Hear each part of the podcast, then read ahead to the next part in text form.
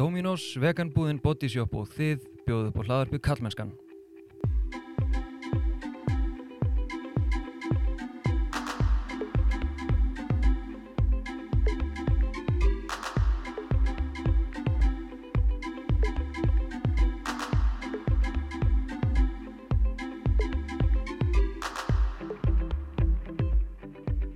Heiti Þorstein Maffeinarsson og sé einnig um samfélagsmiðlinn Kallmennskan á Instagram og Facebook og kallmennskan.is þar sem þú getur meðal annars gæst bakkjarl þessa hlaðvarps og fræðslumiðlunar á samfélagsmiðlu með mánæðilegri styrtargreislu.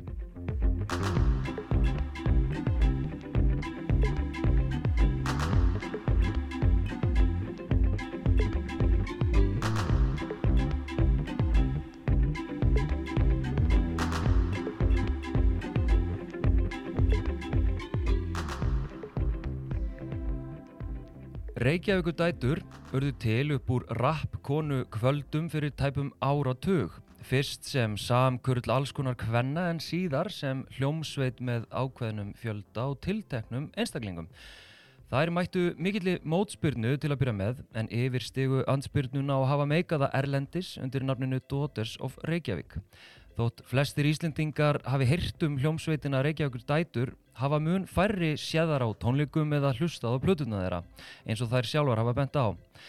Er það vegna þess að þær eru konur, rótækar, óþægilegar, feminískar konur eða er músíkin ekki sambóðin íslenskri menningu? Steinei Skúladóttir og Salka Valstóttir úr Reykjavíkur dætrum eru mættar í stúdióið. Eh, velkomnar. Takk fyrir. Thank you very much. Já, já. I want to do the interview in English.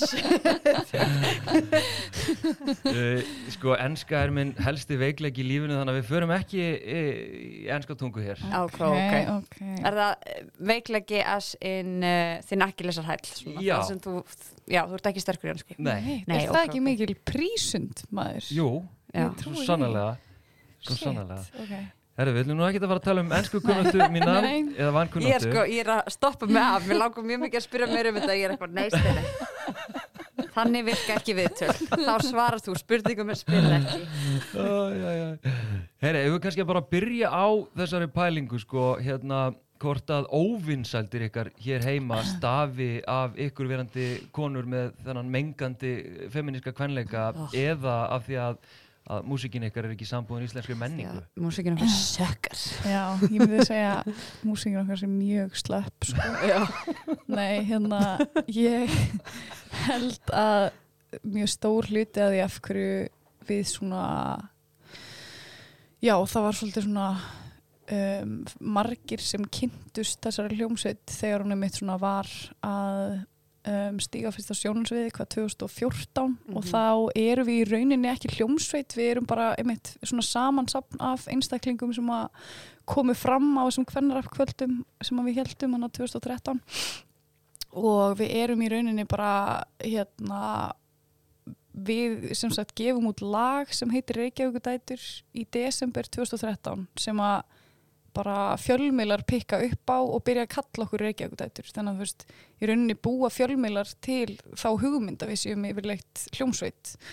Og á þessum tímapunkti erum við mitt bara allar algjörir hérna amatörar full í rappi. Og svona pointið með þessum rappkonungkvöldum var einmitt eitthvað ok, mjög svona verndað umhverfi hérna, þar sem að konur og kynsíðin einstaklingar geta komið fram og pröfa að rappa og það er bara ógisla supportive allir og eh, veist, þetta verður bara ekkert mál. Og svo allt einu bara eftir tvo mánuð er þetta bara orðin eitthvað svona umdeildastar hljómsveit Íslands. Og við erum alltaf bara svona ekki mjög vel í stakk búnar kannski allavega svona tónlistarlega, ég er 17 ára veist, einmitt, og svona tónlistarlega og sko, já, bara svona reynslulega séð erum við kannski ekki stakk búnar til að vera eitthvað, já, hér stöndum við fullmótaðar sem hérna, tónlistamenn, mm tónlistakonur og rapparar. Þannig að þetta varð svolítið svona áhugavert stríð það Já. allt, af því að við þurfum einhvern veginn að standa með sjálfur, sjálfum okkur og standa með tónlistinu okkar verandi fullkomnir amatúrar. Og, og þetta er svolítið svona þetta er first impression fólks af okkur er bara ok, þær eru amatúrar Mhm. Og- og Og þetta lifið dálítið ennþá, er það ekki? Jú, Þessi það stil- lifir í raunni bara alltaf sko, hefur, Mhm. á Íslandi þú veist, í framhaldinu verður ekkert, það er ekki mjög svona hefur allavega hingað til kannski ekki verið mjög forgiving um, Ísland við, við, við þessum svona fyrstu kynnum af Nei, hljómsveitinni einmitt. og þá einmitt í kjölfarið þegar við bara höldum áfram og, og í rauninni, fe, rauninni fer þetta úr því að vera eitthvað svona listakollektív með ókslega mikið meðlumum þar sem við erum alltaf að taka nýjar þú veist, að, bara flestir sem að vildu vera með, máttu vera með þú veist, og það hérna um, við vorum heldur þegar mest let sko 21 meðlumur Mhm. þannig að þú veist, við vorum með rosalega opna hurð og vorum, sí, vorum síbreytilegur hópur og vorum kannski ekki eitthvað sem að fólk geti yfirleitt talið hljómsveit Nei, og svo í rauninni þegar við eftir að við svona ákveðum bara við ætlum að verða hljómsveit af því að nú erum við bara komið með ótrúlega stór tækifæri erlendis, þú veist, það er bara búið að breytast landslæð, þú veist, í því sem við erum að gera og þá fyrst kannski fyrir við að gera svolítið bara taka því svolítið alvarlega að búa til tónlist, Mhm. þú veist og ég myndi segja fram að því höfum við kannski ekki verið að taka því nú neitt mjög alvarlega, það hafa bara verið svona ákveðin einmitt. Þetta byrja bara alltaf sem bara svona, þetta áttu bara að vera gaman, skilur du? Já, líka bara, þú veist, þetta er einhver svona, þetta er auðvitað bæðist tónlistastefna, já, já. þetta tónlistastefna sem að, þú veist, eru þetta, þú veist, á ís, í íslensku samfélagi er augrandi að vera kona í hiphopi, þú veist, Mhm. það er bara lítill sýnilegi hvenna í hiphopi, þannig að þetta var bara svona mjög þægilegur staður til að, hérna, kannski svona benda á að eitthvað mætti betur fara sem kona í íslensku samfélagi, þú veist, og svo er þetta líka bara um eitt sögulega auðvitað svona andspyrnu tónlistastefna þú veist uh, og líka eitt áhugavert að hún, hún alltaf sprettur upp hjá veist, svörtum kallmennum í bandarækjunum sem eru að veist, spytna móti hvítamanninum og í leiðinni eiginlega þú veist taka niður konur og sko samkynætt fólk. Þau verður svolítið svona svolítið svona, hvað heitir þetta, the butt of the joke? Eða veist, verða svolítið svona þeim er ítt niður eiginlega til að. Já, einmitt, til að þú veist þeir geti lift sér upp sem er bara mjög sorglegur svona fylgifiskur þess að einhver minnilutahópur sér hann að kýla tilbaka þannig að það er líka mjög svona Já. spennandi finnst mér að þú veist, mér veist konur eiga gett mikið erindi inn í hip-hop sinna á einhverjum svona ferskum forsendum, þú veist, á, því, á forsendum þess að geta bara hérna, kannski mætt þessari tónlistastefnu í sjálfu sér sem að hefur Mhm. bara í rauninni sko normalisera ótrúlega mikið af sexisma í bara svona popkultúr menningu og í þú veist ymmit bara í tungumálun okkar og alls konar. Ok, ég er svo kom svo langt út efni en, hérna, en þú veist, allavega ég man ekki sem hver spurningi var. spurningi var sko með þessar óvinnseldir þetta Já, heima, þú svona rekur aðeins hvernig þið byrjið og, og stimpill sem þið fáið Einmitt. og svo hérna, einmitt er músikin ykkar orðin bara vel Já. þróuð og vel Já. svona massív Já. Einmitt. til þess að reyka þetta sko það,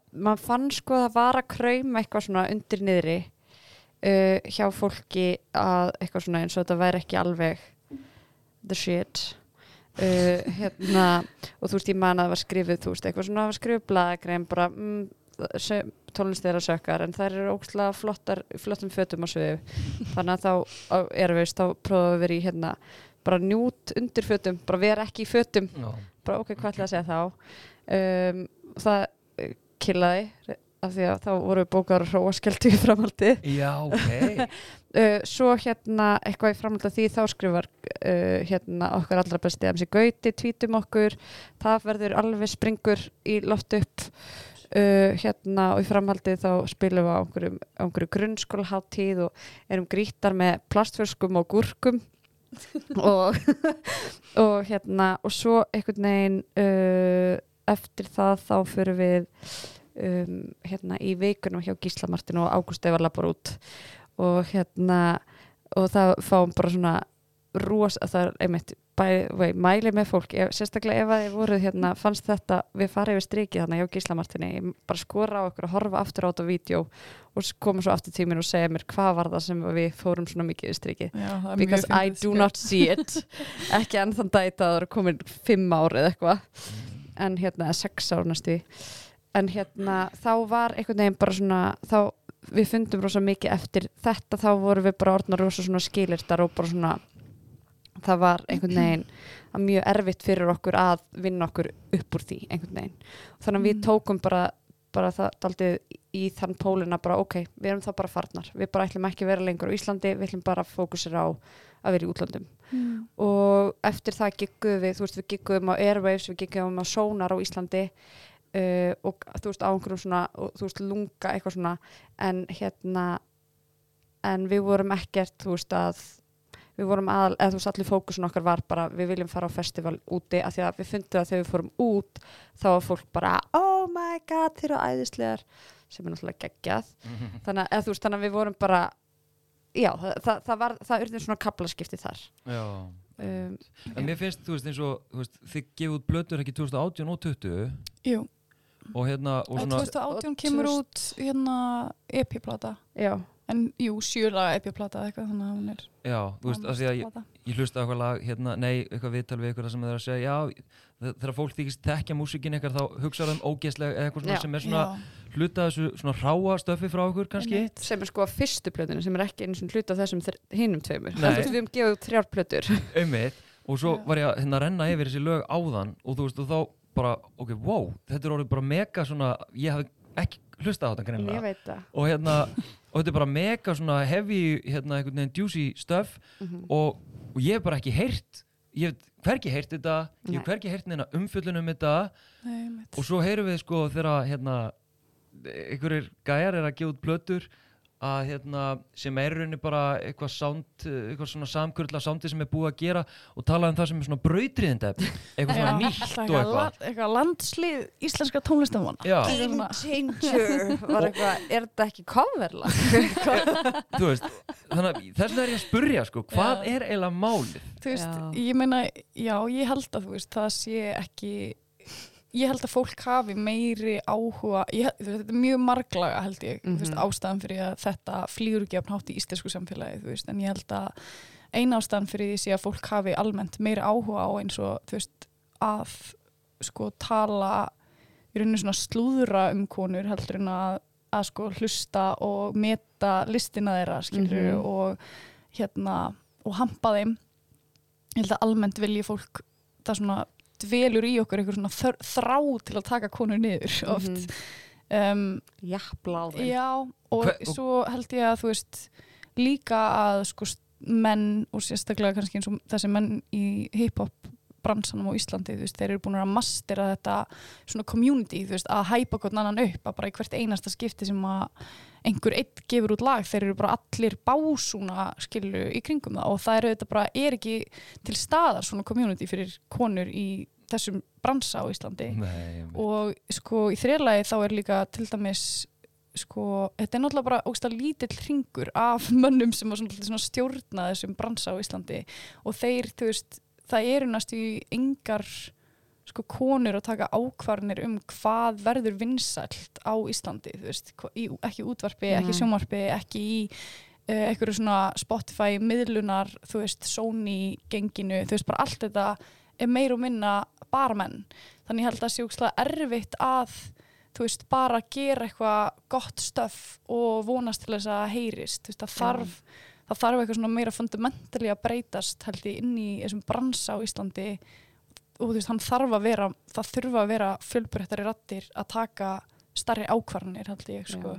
En Já. svo er náttúrulega eða sko það sem mér finnst vera hérna þú veist stundum að bara það, það sem það kemur niður á það er að við erum hópur af konum. Og það er fólki finnst það bara fucking scary. Þú veist að því að það er bara, það er ekki það gerist ekki. Að vera hópur af vinkonum sem eru ekki þú veist, og var, ég man það alltaf í byrjun, alltaf verið að spyrja okkur bara er ekki erfitt, hvernig er að vera konur að vinna saman, er eitthvað bara eins og fólk eða þú veist bara fólk þegar vinnur saman þá koma ágrinningar og svo er líka frábært og eitthvað svona.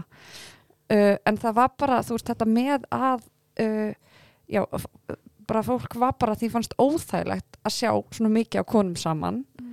Og þú veist, einmitt eins og bara þetta í gíslamartinni skilur Já, það er bara, ég, það er eina ástæðan sem ég sé fyrir því að já, já, bara þú veist, eitthvað æstar gælur æstar gælir smá óþægilegt en En hún mátt alveg lapp út, ég ætla samt að segja það. Já, en mér er samt líka, þú veist, eins og þú varst að segja, veist, einmitt, það er hérna, tónlisti sem er að koma út er með mikið af þessum mönnum, er mjög, einmitt, þetta er oft svona svolítið augl, augljóslega, já, ekkert veist, þeir eru alveg bara að standa sér vel í að gera það sem þeir eru að gera, en þeir eru að taka tónlistastefnu sem er mótuð og hérna svona proven to be popular annar staðar í heiminum og þeir eru að taka hana og bara basically þýðana eiginlega, þú veist, það er ekki verið að hérna reyna að kannski, þú veist, frum skapa einhver, einhverjars tónlistastefnur eða þú veist, bara vinna að einhverju þú veist, þetta kemur kannski ekki frá einhverjum sterkum rótum í þeirra lífi, heldur frekar einhvern veginn einhverjum svona áhrifum frá annari menningu.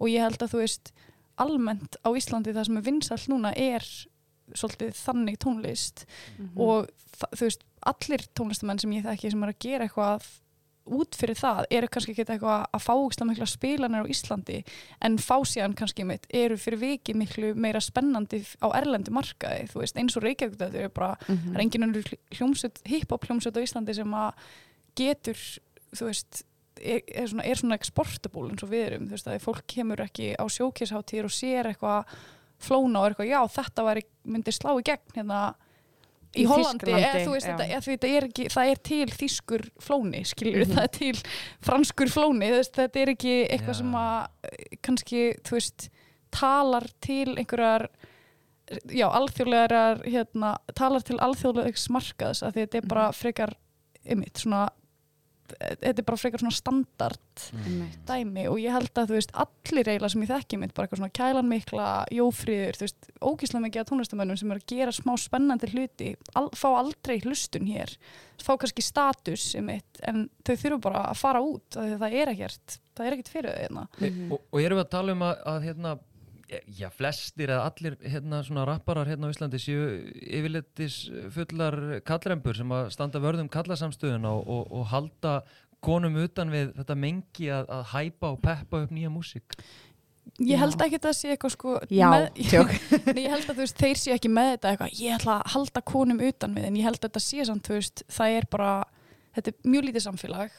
Þetta er lítill hérna markaður og hann er eins og er, hún er með stjórnað af einum, þú veist, bara, Mhm. bara litlum hópi af mönnum og þeir eru bara vinir og þeir standa bara vörðum hvern annan, veist, og það er ekkit eðl, eðlilegra en að vera eitthvað svona vilja peppa vinir sína og það er í eðli sínu mjög jákvætt en vandamálið er kannski bara að hérna, að þetta er þetta talar rosalega beint við yngri kynnslóðir og fyrir vikið þú veist þetta Þeir- eru heldur lengir keðjuna af því að það verði ekki pláss fyrir fólk sem er, eru ekki um eitt eitthvað kallar. íslenskir kallmenn og það er, veist, að því að þetta búið að vera svona ógislega dominerandi tónlistastefna í svolítið langan tíma núna í þú veist hvað, sjö ári eða eitthvað núna Mhm. veist, þetta er rosalega langu tími sem þetta búið að vera svona eiginlega einoka markaðin í íslenski tónlistarlífi, þá væri maður einhvern veginn, það hefði verið rosa gaman að þetta væri komið okkur stað núna þar sem maður væri bara eitthvað, ok, þetta er alltaf þú veist, það er Já. ógislega mikið að spennandi flóru inn í þessu og líka bara fyrir, þú veist ég held að það er bara skemmtilega fyrir þá og Mhm. alla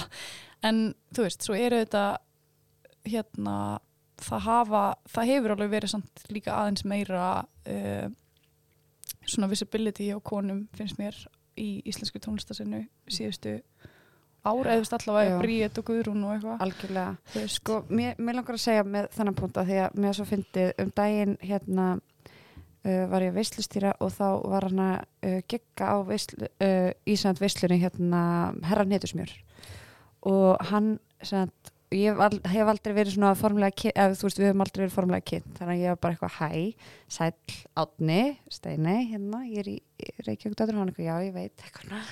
Og ég er eitthvað, jæja segðu mér nú. Erindi þitt í Já ég veit læginu, er það um Reykjavík dæður? og hann bara, já. Og ég veit ekki hvort þú þekkir þetta erindi. Nei, um, þetta er satt um hann er að tala um það að uh, að hann ætla ekki að hjálpa okkur ok. Hann segir 10-0 og strákarnir eru að vinna. Veit ekki hvaða leik þær halda við séum að spila. Ég vak ekki lengur um neitt ef að, ég fái greitt. Og svo þessar tíkur með að gæltinn sem þær vilja, eitthvað svona bla bla bla. Ok. bara flott.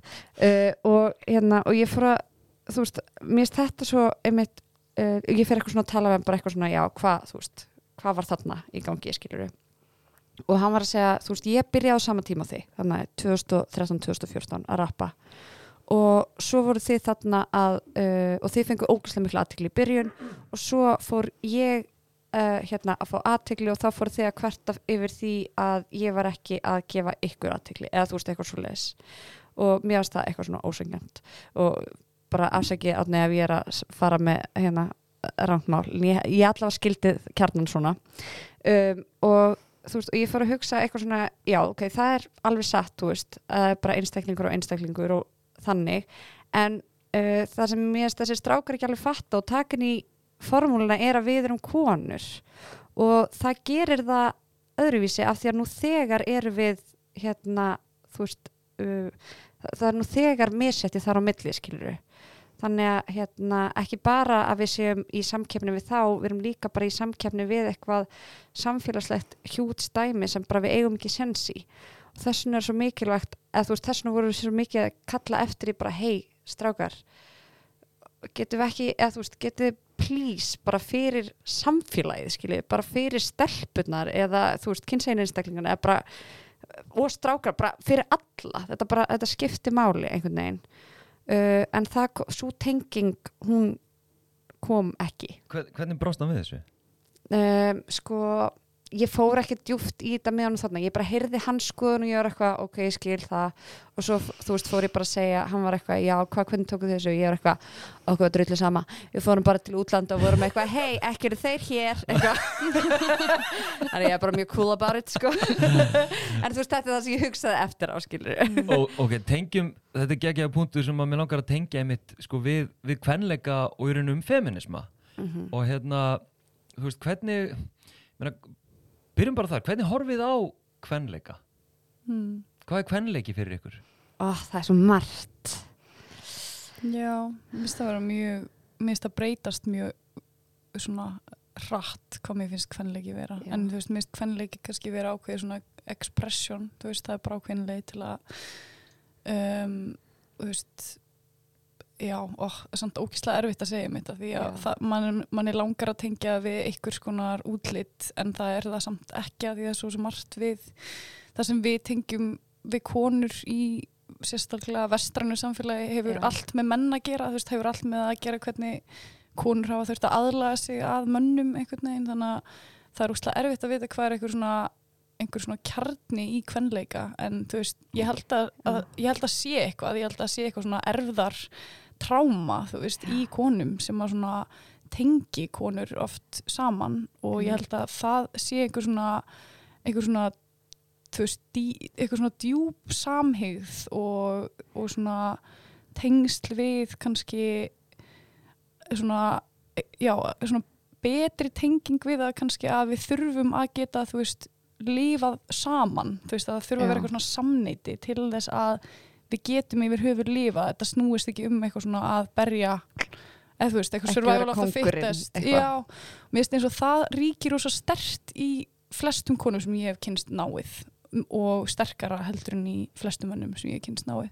Og einhver svona og ég held að það sé kannski einhver svona rót í því að konur eigi oft auðveldara með að ná einhverjum svona djúpum tengslum við ykkur og aðra. Uh, en, en þú veist enn og aftur þá svona finnst mér þetta er rosa erfitt að aðskilja kvenleika frá feðraveldinu finnst mér, þú veist að því að við ég held að þú veist, konur og sérstaklega hvítar konur í vestrannum heimi, þú veist, hafa svona næstu því, það næstu búið svona taka power þeirra alveg þú veist, í, Mhm. úr, þú veist, feðraveldi er svolítið bara svona tekið það og þú veist svo, svo mik, traðka svo mikið að því að þú veist, meiri sé að mæður hafa einhvern veginn ekki kent dætrum sínum, þú veist, að það er eigi eitthvað vald eða þú veist, finnst alveg svona Mhm. búið að þinna það rosalega, rosalega mikið. Og mér finnst mjög erfitt að skilja hvað er einhver svona já, hvað talaði svona hvað kjarni er í kynimanns, þú veist, ef það er yfir höfuð einhver, sko. Já. Já, Ég talaði um þetta sko aðeins við þerapista minn. Ok. og hún talar sko um hérna uh, að ég verða að leifa sko kyn orkunum minni að skína meira. Sem að ég veit að ég geri ekki orkunniðinni, mennum Já. þetta bara svona kynferði? Já, eða bara svona að leifa þú veist, einhvern veginn svona að ég veit ekki. Við, kyn orka, þú veist, það er bara eitthvað svona að þú veist, að kveikja á þessum ég myndi segja að kynorka væri þú veist, þegar maður er að fara að eðla sig. Eða þú veist, það, þegar þú- það þú er eitthvað Þú ert svona að tala um svona kynferði þá meira, þú veist, sexy að laða að, eða þú veist, frekar en Kynþokki? Já, kyn það, þú veist, hvort sem það er óháð, þú veist, hverjir hinir einstaklingarnir eru, Já, já, já. heldur meira bara þetta, já. Mm þegar það er einhvern veginn einmitt, maður er að laða að út á hérna uh, út á það að vera að fara að eðla sig. Veitu, var þerapistin að vera meira sexy? Og- eiginlega, en hún var að meira að segja að kannski að leifa mér að channela. Já. og þú veist, og hérna uh, og ég bara tók svo mikið eftir því að þú veist, þetta er eitthvað sem ég er búin að bara setja mjög langt niður í kassa og bara loka á af því að þú veist, það er svo mikið í samfélaginu sem er bara eitthvað uh, þarf svo mikið að byrja ábyrðaði þú veist, ef maður sýnur aðeins svo mikið eða bla bla bla, þú veist, þá er maður það manni að kenna ef mann er, þú veist, eða kemur Mm. eitthvað fyrir mann, eitthvað Mm. uh, og, en hún var bara einmitt nýlega setja við mig og ég var bara eitthvað ég- mér finnst það mjög svona spennandi. Ég er hérna, ok, þetta kannski passar ekki alveg við svarið við spurningunni. Ég veist, við erum að velta fyrir okkur kvenleika og ég meina, þið eru búin að tengja, ég meina, þú ert búin að tala hérna, um, um gildismati, þú veist, þú ert að tala við hann hérna, herra hnetusmjör, Já. um, um kvenleikan og, og, og kallmennskuna eins og ég skinja, Mhm. valda tengstanand á milli, gildismati í samfélaginu, við erum að tala hérna um hérna feðraveldið, skiluru, Já. svo erum við náttúrulega að tala við ykkur sem eru Já. í rauninni reykja ykkur dætur með Mhm. ákveðna afstöðu, ákveðna Já. feminiska, rótaka, krítiska afstöðu. Uh, það sem ég er að velta fyrir mér sko líka tengt þessu að því að og þið síðan hafið líst í hvernig þið hafið verið kyngerðar, þar að segja að þið hafið verið þú veist, það verið fókusað á hérna, útlitið ykkar, Mhm. þú veist, þið hafið verið gerðar að einhverju svona kynferðslu viðfangi uh, gegn ykkar vilja, en síðan er ég líka að veltaði fyrir mér sko, af því að kvenleikin er svo nátengdur útliti, þú Mhm. veist, kallmenn eru og kallmennska er ekki alveg jafn, í sögulegu samingi jafn tengt við útlit, svona komur að segja svona sexual appearance einhvern veginn. bara mjög langt frá því Já, það er meira eitthvað svona harka og vöðvar og, og hérna kjöt eða eitthvað. Og meðan að hjá ykkur þá, þú veist, þið eru þið þurfa að vera sexy en ekki of sexy Mhm. en samt sexy, eitthvað svona, þetta er svona eitthvað, þannig ég er að velta þið fyrir mér svo ég tengi við kvenleikan aðeins, það er sko að því ég heyrði að þið voru ekstra að velta þessu fyrir ykkur er hægt að óna sinni ein hérna, kynþokka, veist er, er hægt að Já. valdeflast sem einstaklingur án þess að vera valdeld á forsendum þess að vera sexy? Ég. Æ, skiljið hvað er að fara með þessu? Já, sko, mér finnst þannig, þú veist, kyn, alltaf fyrir mér er kyn og kynorka Mm. og kynþokki og þú veist, þetta eru svo ólík hugtök fyrir mig. veist, Mhm. ég er Ég svona- veit ekki hvað er rétt orðið sem Nei, ég nei, ég er bara að hugsa nota, líka sko. um það sem þú ert að segja þú veist, þegar ég hugsa um kvenleika þá hugsa ég ekki um fyrst og fremst eitthvað svona þú veist, jú, alveg kannski eitthvað sögulega hvað höfum við tengt við konur en veist, en ekki kannski eitthvað svona fyrst og fremst um, sko svona útlitt kvenna og, og þú veist, aðlögun og eitthvað svona kynorku mér finnst það- bara svona smá ólíkt eitthvað neginn, eitthvað svona pjúra eitthvað veist, kynið sjálft og svo kynorkan en þú veist, Já, nei, það er ekki Já, Nei. já ég sammála. Já, en mér finnst sko þú veist, það er, það er rosalega flókið að navigata fyrir mjög mikið konum sérstaklega gagkinnum konum held ég að það sé mjög flókið að navigata þú veist, steitt svona um, hvernig við fáum þú veist, hvenar við raunverulega löðumst að mönnum og hvenar við í rauninni bara þurfum þú veist, hvenar er bara búið að skýla þig til þess að þurfa að fá samþykki frá mönnum mm. og sérstaklega útlitslegt sam, samþyggi og að, þú veist, Mm. að allt vægið þitt liggi í útlitinu þínu og það er, þú veist, mér finnst flestar konur þurfa að eigða svona meiri hluta kannski ára sinna á milli 20 og 30 í að bara svona aflæra rosalega mikið um sjálfa sig og menn, mér finnst oft menn, þú veist, vera að fá að, einmitt að læra ýmislegt. Já. um, Ég líka að velta fyrir mig bara tengt bransanum sko. Þú veist, ég meina, finnið þið einhverja kröfu til dæmis að þurfa að sko, hvað ég segja, hafa ykkur ákveðin hátt eða líta út á ákveðin hátt? Ég held að þú veist, ég er allavega þú veist, komin svolítið svona út fyrir það hugsun, þú veist, núna. Ég er ekki að reyna að líta eða þú veist, ég, ég allavega ef ég er að reyna að líta út fyrir að vera mjög sexy á einhvern svona standard vestrannan hátt, þú veist, þá er ég allavega mjög meðvituð um það af hverju ég er að því, þú veist, Mhm. þannig að það er svona, mér finnst þess að ég sé að gera það að einhverju leiti á eigin fórsöndum þó ég viti að ástæðuna fyrir að, þú veist, þær fórsendur sem ég yfir höfu til eru út af ferraveldinu, þú veist, og mér finnst mjög erfitt að tala um að því þú veist, það er alveg smá svona eins og innan feminisma er oft svona, svona choice feminism þar sem er alltaf eitthvað, já, ef þú ert að raka þér fætunar þá er það val og ef þú rakar ekki á fætunar þá er það líka val og allt má velja þú veist, en það er smá svona ignorant að tala samt um þessi, þessa valkosti sem sama hlutin, þú veist, annars verður ertu að ganga inn í hérna, þú veist, þú ert að, þú ert að raka þér fætunar af því að það er búið að, þú kapitalismi er búið að marka setja ákveðna rakvílar á konum veist, til þess að raka sér fætunar og láta mönnum finnast það ógíslegt að konur séu með hára fót Hárafót. Þetta er bara ógísla margla skilur markaðs skím fattaru, sem næstu Já. tengist öllum kvennhatri og öllum hatri almennt skilur, að snýst yfirleitt um eitthvað svona white supremacy og eitthvað gróða og kapitalisma skilur og það er gett erfitt að láta eins og þetta þýði það sama, að gera það ekki veist, en ég get alveg valið að raka með fæturna en vita samt, veist, ástæðan fyrir að gera er út af þærraveldinu, er út af kapitalisma er út af white supremacy, veist en það gerir mig kannski ekki minni feminista en mér finnst það að gera mig verri feminista að láta eins og það þýða það sama Mhm. skilur Já, já. að láta eins og það að annarkvort valið standi til bóða sé, að, að það að velja annarkvort hlutin sé bara bæði eitthvað, já það er bara æði og skiptir engum máli og allt Já, gert á þínum fórsendum, það er ekki alltaf gert á þínum Einmitt, það er engin manneski sem hérna,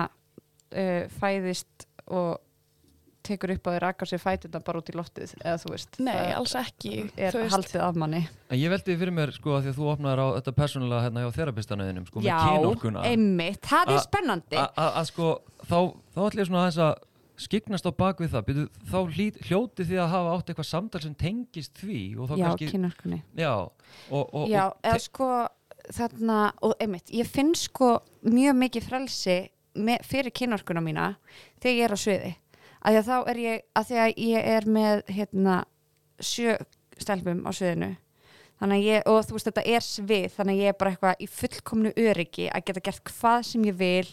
Og þú veist um leið og ég stig af sviðinu þá get ég verið bara að þetta var, þú veist við vorum að taka sjó fyrir ykkur þú veist, og þá þarf ég ekki að, þú veist, hann er séð einhvern veginn svara fyrir það. En þegar ég stiga á sinni, þú veist, þá verð ég bara ég er bara svo ógeðslega einmitt ok, mér stigir svo ég vissi að maður nota mjög mikið skilirt orðið skilirt er, uh, en þú veist, þá er svo mikið bara hérna uh, það er á minni ábyrð að hérna, ef það kemur eitthvað fyrir mig þá er það á minni ábyrð, eða þú veist ég verð að gera allt sem að í mínu valdi stendur til þess að hérna um, að verða ekki áreitt eða þú veist, eitthvað svo leis þannig að hérna já, það er bara eitthvað svona mikil held ég skömm sem fylgir því og eitthvað svo leis að bara eitthvað svona mikið gefa færi á því af því að það gæti orðið á neikvæðanhátt eða eitthvað svo leis Einmitt, talandi um sko áreitni og þetta að vera hérna einhvern veginn kent um áreitni og ofbildið sko. Meina, hvernig uh, kemur þessi umræða og þessi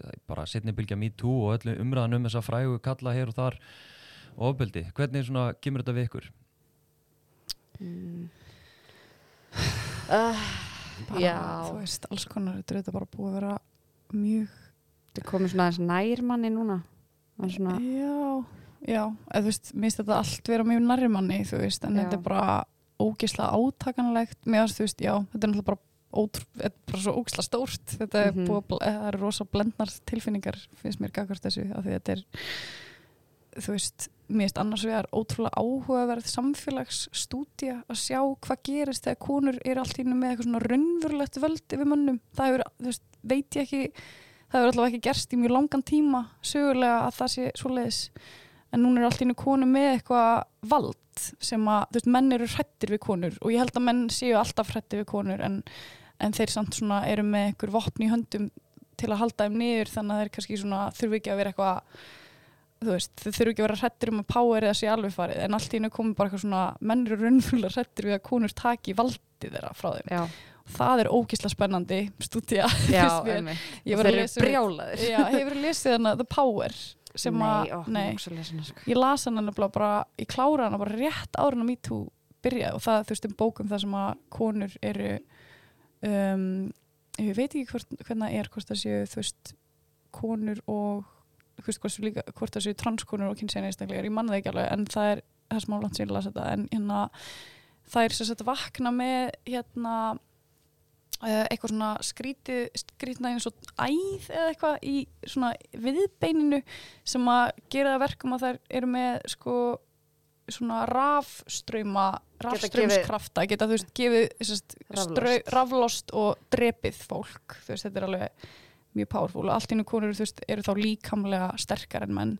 Og það var ógslag mikið af hlutinu sem gerðust í þessar bók, sem gerðust í MeToo, bara svona þú veist, hvernig var talað um bara eitthvað þegar við verðum að halda þessum Kon, veist það verður að halda þeim á mottinu og við verðum að vera alveg vissum að réttakerfi okkar sé ekki fara að bregðast okkur og veist dæma þessa menn skiluru og maður var bara eitthvað, vá, einmitt, það hefur verið frábært þessi hans gefur tekinu upp þegar veist, það verður verið bara að einmitt síkna þess að fjölda manna sem hafa verið fáránlega mikið að sönnunugögnum eh, sem að, sína fram á að þeir hafi beitt konur, mjög alvarlega ofbeldi. Já, þannig að, þannig að veist, mjög sjúklega áhugverð að það væri bara eitthvað, þetta var bara svona mjög frekar svona basic vísendaskaldsagar og það veist bara hugmyndin um að konur hafi eitthvað valdi um ennum séu bara gera það verkum að, að þær séu skilstar ennþá meira er, er gert tilrönd til þess. Uh, um, ok. Já, bara kósi Þetta var út af Þetta er the power. Samt aldrei kósi bara að sitja hérna í myrkrinu Já, ég vona bara að kerfið verði ekki sett á okkur líka en, en hérna, já, þá rettu við því bara. það var leðilegt Nei, mér finnst það áhugavert með núna um, með uh, að sko það, það einhvern veginn mótur ekki ná svo stutt. Þú veist, eitthvað svona hvað á ég að gera núna? Eða þú veist hvað hérna uh, á þessi manneski aldrei aftur að fá að vinna og þessi eh, manneski ekki endur, eða þú veist, aftur að fá að gera tónlist eða eitthvað svoleiðis mm -hmm. sem er svo ótrúlega ska, þú veist, svo mikil skamtíma eða þú veist, maður eitthvað uh, af hverju eru ekki að fókusa á hvað stelpunar sem að uh, voru beittar ofbeldi, hvernig þær eiga að díla við lífið, hvað tráma þær eru með mm. og mhm. óryggi og hvað það gefur þeim ekki tækifæri á að verða besta útkáfan af, eða þú veist, að, þú veist mm. allt sem þær hefðu vilja vera mm. og þú veist það er bara eitthvað já, það er ótrúlega hérna það er svo, svo sjálfkverf hugsun að bara mér finnst það sko þú veist, ég, og ég bara svona trúið í stundum ekki hvað bara kemur og þú veist hvað fólk er að láta út þessi bara eitthvað svona hérna bara, eða þú veist og, og einmitt bara við erum við viljum passa upp á hvort annað, ég vil þú veist alveg líka eða þú veist ég vil líka að þessir menn fái hérna uh, einhvern veginn einhver, eitthvað úrræði skiluru mm. Svona feministka rótakar konur eins og þið eruð sem að hafa verið að beita ykkur þegar að, þú veist, ég skil að, að karlar sem að hafa aldrei séð þetta ég vil aldrei nefnt að hlusta á allar þessar frásanir að horfa óbyldi í kringum sig verði sjokkur þær og verði bara hissa, byrju, wow, er hvað er í gangi hérna? Og ég vil fara í vörð en hefur þetta suma áhrif til dæmis á ykkur þegar þetta kemur svona upp á yfirborðið eins og á suma menn? Ég held að þú veist mm, ég held að alltaf öðruvísi áhrif ef ég eitthvað reyna að setja mig í spór mann sem er eitthvað ómeðvitaður um að menn beiti konur ofbeldi sem er samt líka bara eitthvað þú veist, þú hefur enga afsökun til eitthvað vita það ekki eða þú veist, hafi ekki einhvern svona smá sans fyrir því hvernig um, hvernig svona kerfisbundi ofbeldi gegn konum hefur einhvern veginn þróast. Þú veist það bara, þú ert með internetið skilju en mér finnst uh, fyrir mig bara me too hefur bara fyrst og fremst haft bara svona devastating áhrif á mann andlega skilju, þetta er bara bæði fyrir þú veist, mig persónulega og fyrir, þú veist, það er erfitt að sjá reynslisugur vinkvinnaðina, það er erfitt að sjá uh, líka reynslisur vinaðina sem eru gerendur þú veist og bara sjá að kannski þú veist sjá hversu bara í rauninni hversu ótrúlega rótgróið þetta verðist vera í, í samfélagin okkar og mm. þú veist það er hérna fyrst og fremst bara ótrúlega átakanlegt og sorglegt finnst mér frekar en eitthvað svona þess eðlis að ég verði reyðið að fara í vörð ég er miklu frekar búin að vera bara alltaf verið svolítið mikið sorgmætti yfir þessu sko. Yeah. og þú veist og mér finnst svona Já, mann er svona fallast smá hendur einhvern veginn. Já, bæðið, já mist líka Eða bara mér. Já, sko mér fallast alveg smá hendur eins og núna þegar ég sé umræðina eins og núna þegar Þóri Sæm fór í þetta viðtal og ég bara svona sá kommentin og ég bara já, ok, fólk er þess, það er svo ótrúlega polarizing umræða ímist er fólk bara þú veist, mjög mikið af fólki á Twitter er bara svona alveg bara hann er, þú veist, þetta er bara ógeð, mest ógeð líf heimsins eitthvað og svo fólk sem er bara eitthvað guðmengóður sem maður bara, þessir, þessar úlingstelpur eiga í fangilsi fyrir að hafa gappað þennan Já. 37 ára gamla mann en þú veist, og ég hugsaði og reyndar, þú veist, það sem ég tók eftir og hef tekið eftir í sittinu MeToo-bylgjunni er að að það eru miklu fleiri sem er, hafa verið kannski svolítið svona skrimslavæðinga megin sem eru svolítið að stíga fram og vera eitthvað ok, nú þurfum við að fara að ræða líka bara þú veist, gerend, um eitt úrræði fyrir gerendur hvernig við tölum um þá þú veist, að leif okkur að tala um að kynfyrsafbrot eru, eru breytt spektrum, þú veist, þetta er ekki alltaf Mhm. endilega af ráði gert þú veist, og við þurfum líka að taka ábyrðaði í samfélagslega hvernig við ölum menn upp og af hverju þeir beita ofbeldi þú veist, það er ekki bara því þeim dettur allt inn í hug skilju og að það þurfa að vera einhvers konar þú veist, róttæk breytingi í hvernig við kennum ungum strákum að koma fram við þú veist, konur og queer fólk. Þannig að þú veist, mér finnst vera hérna ég hef tekið eftir í að á þeim pólunum finnst mér eins og að veist, þetta sé svona hægt og rólega að opnast en mér finnst eiginlega hínum megin í svona geranda meðvirknishópnum eins og það sé að lokast ennþá meira. Veist, eins og að vera ennþá meira bara, heyrðu, ok, hann á bara við hefum bara gefið þessum manni bara bætir for life eitthvað.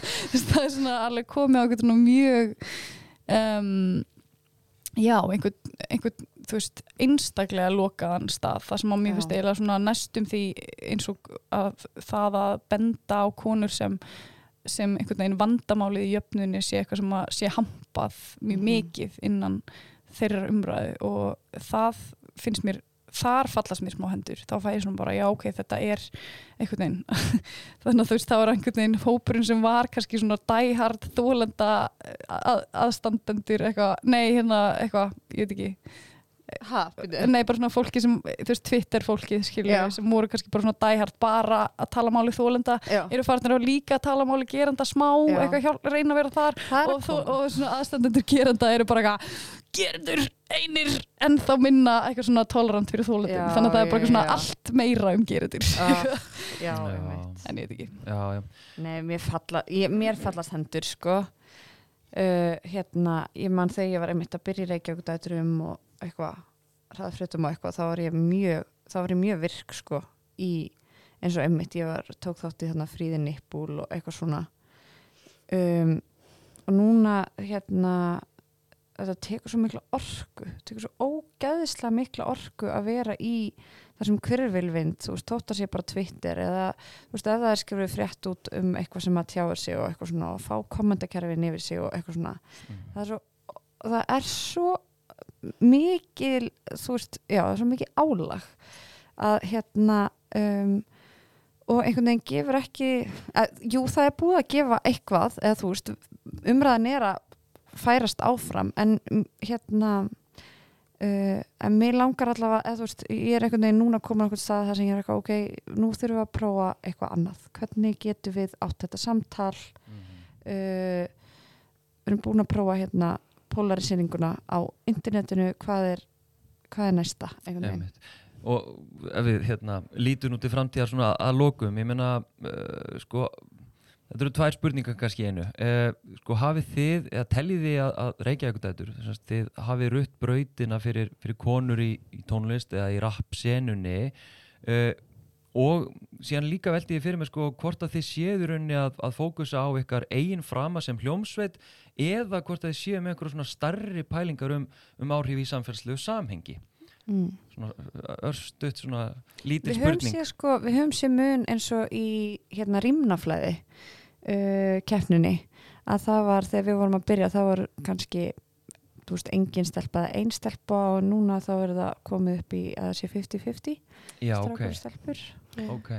Mér er svona almennt eins og kannski hafa ekkert eitthvað ógisla mikið breyst sko, inn í hip-hop sinni en þú veist það er líka alveg áhugavert og ég vil að tala við mikið af stelpum sem að hafa talað um að þegar Reykjavík þetta er komið fram þá ekki, þú veist, að sumar upplifið fyrsta lagi eitthvað svona, já þær eru múin að taka plásið sem var, ef það var plás var það núna farið þegar þær tóku það. Já, Ok. og í öðru lagi, þú veist að sjá skilur viðbröð samfélagsins við í hvernig, hvernig Reykjavík þetta er nú að tekið, þetta er náttúrulega ekki mjög svona appealing eitthvað, já, eru ég ætla að gera þetta líka. Einmitt. en að þú veist, að einhver Bara leiti er unni það er líka það sem er svo sorglegt við að fá svona mótvægi hérna, sem kannski mitt eitthvað svona feminísk aktivista hljómsveit er að þú veist það er einmitt, það, það tekur svolítið valdið eitt frá þér að það er allt í ekki það er búið svolítið eidilegja barðuna þín að einhverju leiti Mm. en það ég hef heyrt báða þessa punta frá mikið konum og ég held að hérna, þú veist, en að að því sögðu þá er samt líka bara að það að vera fyrstur að gera eitthvað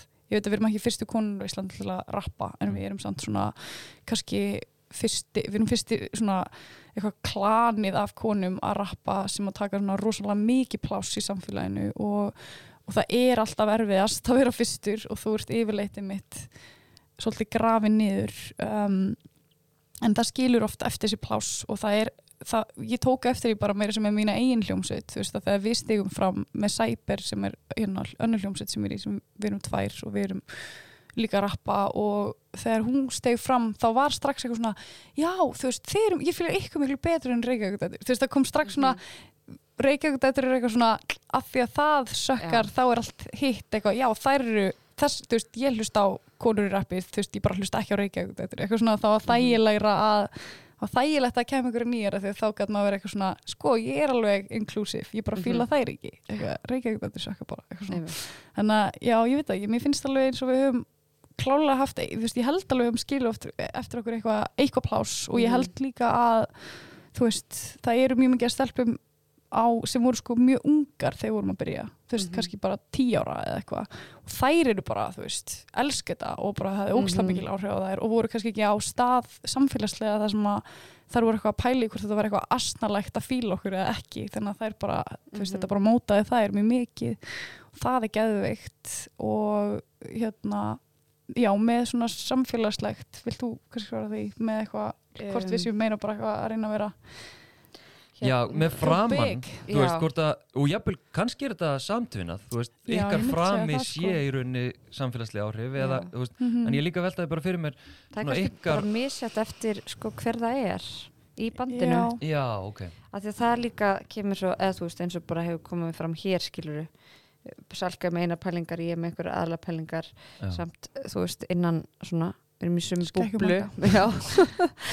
en uh, sko eins og fyrir mig sko ég er stóra planið fyrir Reykjavík dætur þú veist, ég held samt að almennt þegar Reykjavík dætur gera eitthvað þá hugsu við alltaf meðvitað eða ómeðvitað um einhverju samfélagsleg samfélagslega fylgifiska þess sem við gerum sko, klálega. við horfum alveg á okkur sem við horfum á okkur sem hóp af þú veist, við erum núna hópur af konum sem að erum þú veist, í sjálfu sér þegar við stöndum á sviði og erum átta vinkonur að hafa gaman saman á sviði það er í eðlisinu pólitíst þú veist, það er í eðlisinu feminíst Mhm. og það er eitthvað sem að hérna, fylgir okkur í öllu sem við gerum þannig að þegar við hugsum um að verða stórar þá hugsum við þetta ómeðvitað, ómeðvitað um þú veist, hvaða áhrif það getur haft á Já. hérna bara þú veist vonandi sem flesta að sjá það og það sé einhvern veginn sett fyrir framann þau sko Mhm. þannig að þú veist mér finnst velgengni þessar hljómsveitar í eðli sínu vera samfélagslega hérna hafa sam, eitthvað samfélagslegt vægi Já, þú veist. mhm, einmitt, þetta gefur mér, það er ekkert sem gefur mér sko uh, meiri um, bara svona styrk og meiri orku heldur en að fara á svið með Reykjavík mér lýður eins og ég sé ósigrandi every time.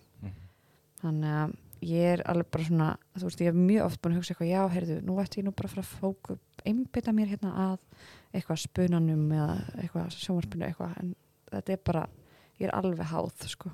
Mhm, að þetta er bara uh, þessa, ég get ekki fengið þessa tilfinningun einn staðar annar staðar. Svona eins mikið svona empowerment eins og þeir eru með Reykjavík dætrum mhm. Steini Skúladóttir og Salka Valsdóttir úr Reykjavík dæturum, takk hjá fyrir að koma og spjallaði mig. Já, takk fyrir okkur Thank you.